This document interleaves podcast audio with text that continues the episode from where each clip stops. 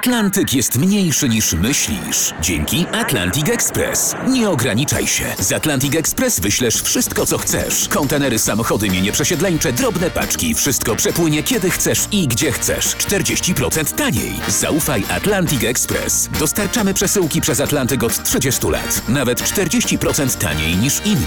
Dzwoń 1 800 775 73 63. Ekspresowo przez Atlantyk. Tylko z Atlantic Express. Dorwać bestie w RMFFM. Imię i nazwisko. Herb Richard Baumeister. Zawód. Przedsiębiorca. Miejsce i okres działalności. Stany Indiana i Ohio w latach 80. i 90. Liczba ofiar. Przynajmniej 11. Skazany na Herb Baumeister nigdy nie odpowiedział za swoje zbrodnie. Na początku lat 90. mieszkańcy Indianapolis często mogli się natknąć na krótkie, wręcz lakoniczne artykuły na temat zaginięcia młodych mężczyzn. Jednak nikt nie zwracał na nie większej uwagi. Każdy z zaginionych mężczyzn był gejem lub przynajmniej był podejrzewany o homoseksualne skłonności. Nawet własne rodziny uważały ich za synów marnotrawnych, a policjanci szybko pozbywali się kłopotliwych i niełatwych do wyjaśnienia spraw zaginięcia. Następny degenerat, który uciekł do Nowego Jorku albo San Francisco. Tam akceptują takie zachowanie. Ale za zaginięciami wcale nie stało pragnienie znalezienia akceptacji i lepszego życia. Ich sprawcą był lokalny, odnoszący sukcesy przedsiębiorca Herb Baumeister. Herb urodził się w roku 1974 w rodzinie doktora Herberta Baumeistera i jego żony Elizabeth Baumeister. Był najstarszym z czwórki dzieci. Według wszelkich dostępnych nam informacji dzieciństwo Herba było naprawdę spokojne i stabilne. Jednak mimo tego, w trakcie okresu dojrzewania Herb zrobił się dziwny. Bardzo dziwny. Jego przyjaciel z tamtego okresu po latach wspominał. Herb często rozważał i robił obrzydliwe rzeczy. Pytał mnie na przykład, czy nie ciekawi mnie, jak smakuje jego mocz. Fascynował się też martwymi zwierzętami. Raz nawet zabrał z ulicy martwą wronę i zostawił ją na biurku nauczycielki. Takie dziwne zachowanie, szczególnie w szkole skupionej na sukcesach swoich sportowych drużyn, sprawiało, że Herb raczej był odludkiem. Dziwne zachowanie syna zwróciło także uwagę Herberta seniora, który skierował syna na badania psychiatryczne. U młodego Baumeistera stwierdzono schizofrenię, jednak według dostępnych danych nie podjęto żadnego leczenia. Mimo tego Herb przetrwał liceum i dostał się nawet do koledżu, jednak tam również nie znalazł przyjaciół.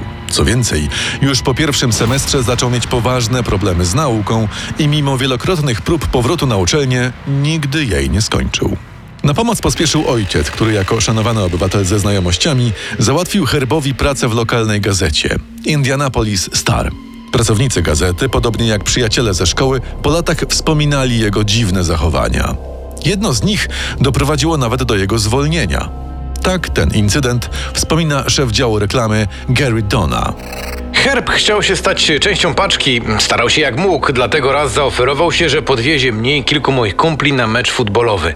Ale to, co zrobił w dzień meczu, przeszło nasze najśmielsze oczekiwania. Podjechał karawanem, takim do pogrzebów, przebrał się za szofera, a potem pędził na złamanie karku, śmiejąc się jak wariat. To było dziwne. Niedługo potem się go pozbyliśmy. Po zwolnieniu z gazety ojciec załatwił Herbowi kolejną pracę. Tym razem w Miejskim Wydziale Komunikacji. Jego nowi koledzy i koleżanki szybko zauważyli, że z Herbem jest coś nie do końca tak. Choć bardzo długo wybaczano mu specyficzne poczucie humoru i przedziwne ekscesy. Udało mu się nawet zachować pracę po tym, jak oddał mocz na biurko swojego przełożonego.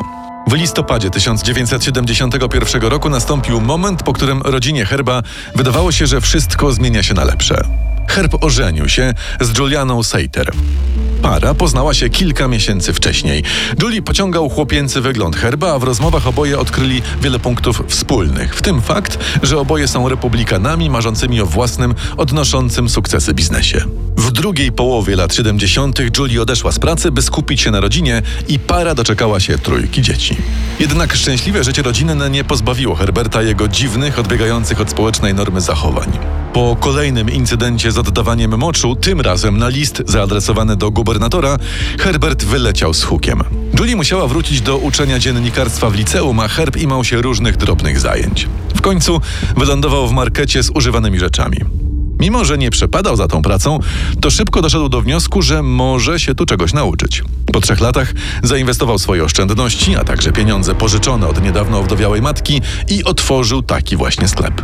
Do współpracy zaprosił szanowaną w okolicy fundację Children's Bureau of Indianapolis, przekazując jej procent z zysków, a sam sklep nazwał Save a Lot. Sklep dość szybko odniósł sukces, a klienci bardzo go chwalili. Lubię ten sklep. Mogę tu kupić dużo rzeczy, jest bardzo niedrogo, a jednocześnie bardzo czysto i schludnie. Nie tak jak u konkurencji. W pierwszym roku działalności sklep zarobił 50 tysięcy dolarów i niedługo później Herb i Julie postanowili otworzyć drugi. Tak spełnili swoje marzenie i stworzyli solidny, dobrze prosperujący biznes. Kupili nowy dom i żyli amerykańskim snem. Ale małżeństwo tylko z pozoru było szczęśliwe. Herb często nie dopuszczał żony do ważnych decyzji lub podejmował je wbrew niej. Gdy mu się sprzeciwiała, stawał się agresywny. Co więcej, mimo trójki dzieci, państwo Baumeister nie sypiali ze sobą zbyt często. Wiele lat później Julie przyznała, że przez 25 lat małżeństwa spała ze swoim mężem sześć razy.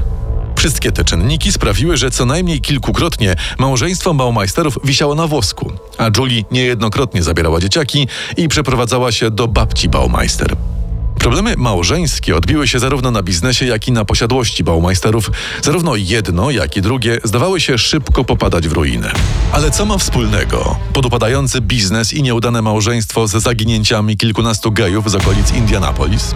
Dla większości mieszkańców, w tym policjantów, te sprawy zupełnie się nie łączyły. Innego zdania był jednak Virgil Vandagriff, prywatny detektyw z Indianapolis i były śledczy z biura szeryfa hrabstwa Marion. Wanda Griff po raz pierwszy zetknął się ze sprawą zaginionych mężczyzn w czerwcu 1994 roku. Właśnie wtedy zgłosiła się do niego matka jednego ze zaginionych chłopaków, Alana Brusarda, i poprosiła go o pomoc. Z początku wydawało mi się, że to rutynowa sprawa. Chłopak uciekł z domu. Taką teorię potwierdzało to, że dużo pił i często bywał w gejowskich barach, ale coś mi nie pasowało. Miałem przeczucie, zacząłem w tym trochę grzebać i dowiedziałem się, że policja prowadzi co najmniej kilka podobnych spraw. Większością z nich zajmowała się Mary Wilson. Wanda Griff skontaktował się z Wilson i po rozmowie z nią był przekonany, że w Indianapolis grasuje seryjny morderca. Tylko popatrz, Virgil, zgadza się wszystko. Okoliczności zaginięcia, wiek, rysopisy. Mówię ci, to nie są zwykłe zaginięcia. Wilson i Wanda Griff razem kontynuowali śledztwo, próbując znaleźć mordercę gejów. Niedługo potem znaleźli informatora, który znał jednego ze zaginionych mężczyzn. Informator, Tony Harris, opowiedział im o tajemniczym mężczyźnie, który był stałym bywalcem gejowskich barów w okolicy. Mężczyzna ten przedstawiał się imieniem Brian Smart i, jak twierdził informator, zabił jego przyjaciela i próbował także zamordować jego. Mówię wam, ten koleś miał coś dziwnego w oczach. Byłem pewny, że to on zabił Rogera i postanowiłem jakoś to sprawdzić. Zagadałem, ale unikał moich pytań o Rogera, zaprosił mnie za to do siebie. Wsiadłem do jego szarego bujika i pojechaliśmy do jego domu. W domu Briana Smarta Harris miał zobaczyć mnóstwo manakinów ustawionych w najróżniejszych, niepokojących pozach. Postanowił więc zapytać o to swojego gospodarza. Wiesz co? Często czuję się samotny. One dotrzymują mi towarzystwa. Potem Smart i Tony Harris długo rozmawiali. W rozmowie Brian miał opowiadać o niezwykłych przyjemnościach, jakie można przeżyć podczas podduszania. Harris był coraz pewniejszy, że znalazł mordercę swojego przyjaciela Rogera, ale poczuł się również kompletnie owładnięty przez Briana Smarta. Pozwolił mu się dusić, po czym udał, że zemdlał. Smart zaczął wtedy szeptać jego imię. Harris, kontynuując swoje kłamstwo, udał, że się ocknął i tylko na chwilę stracił przytomność. Nazajutrz Smart odwiózł Harrisa do miasta, mówiąc: Byłeś dobrym towarzyszem. Umiesz się bawić.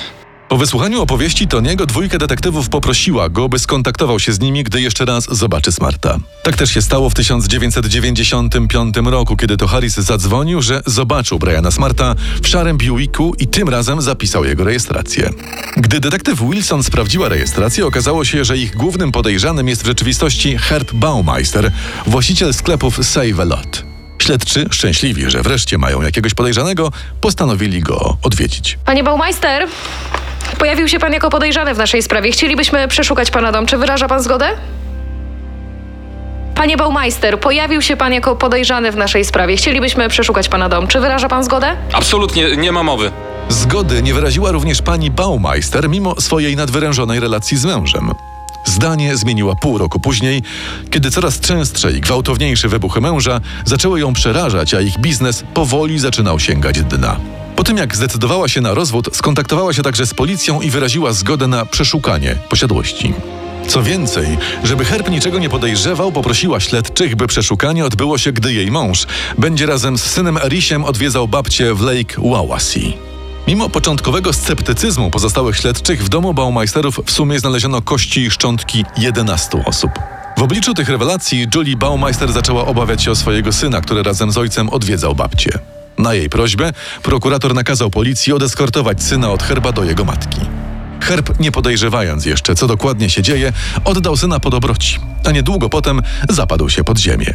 Jedyną poszlakę co do miejsca pobytu dostarczył brat Herba, brat Baumeister. Herb zadzwonił do mnie z Fenville w Michigan, twierdził, że jest w podróży służbowej i szybko potrzebuje kasy. No to przelałem mu tyle, ile chciał, a potem dowiedziałem się, co odkryto w jego domu. No wtedy natychmiast zadzwoniłem na policję. W rzeczywistości Herb uciekł do Kanady, konkretnie do Ontario. Tam 3 lipca 1996 roku przyłożył sobie do głowy rewolwer Magnum kaliber 357 i pociągnął za spust. Samobójczym liście nie wspomniał ani słowem o trupach znalezionych w jego ogrodzie. Jako powód swojej decyzji podawał rozpad małżeństwa i zbliżające się bankructwo swoich sklepów. Już po śmierci Herba Baumeistera policji udało się ustalić, że poza morderstwami osób znalezionych przy jego domu prawdopodobnie był powiązany także z bardzo podobnymi zbrodniami przy drodze międzystanowej I-20 prowadzącej z Indianapolis do Ohio, do których dochodziło jeszcze przed pierwszymi zaginięciami w Indianapolis. Teorię tę potwierdza Julie Baumeister. W latach 80. Herb często jeździł do Ohio. Zawsze mówił, że ma tam do załatwienia interesy. Nie pytałam go o więcej, ale nie zdziwiłoby mnie, gdyby stał także za tamtymi zbrodniami. Stuprocentowej pewności nie będziemy mieć nigdy, bo Herb nigdy i przed nikim nie przyznał się do żadnego morderstwa. Poznaj sekrety największych zbrodniarzy świata. Dorwać bestie w RMFFM.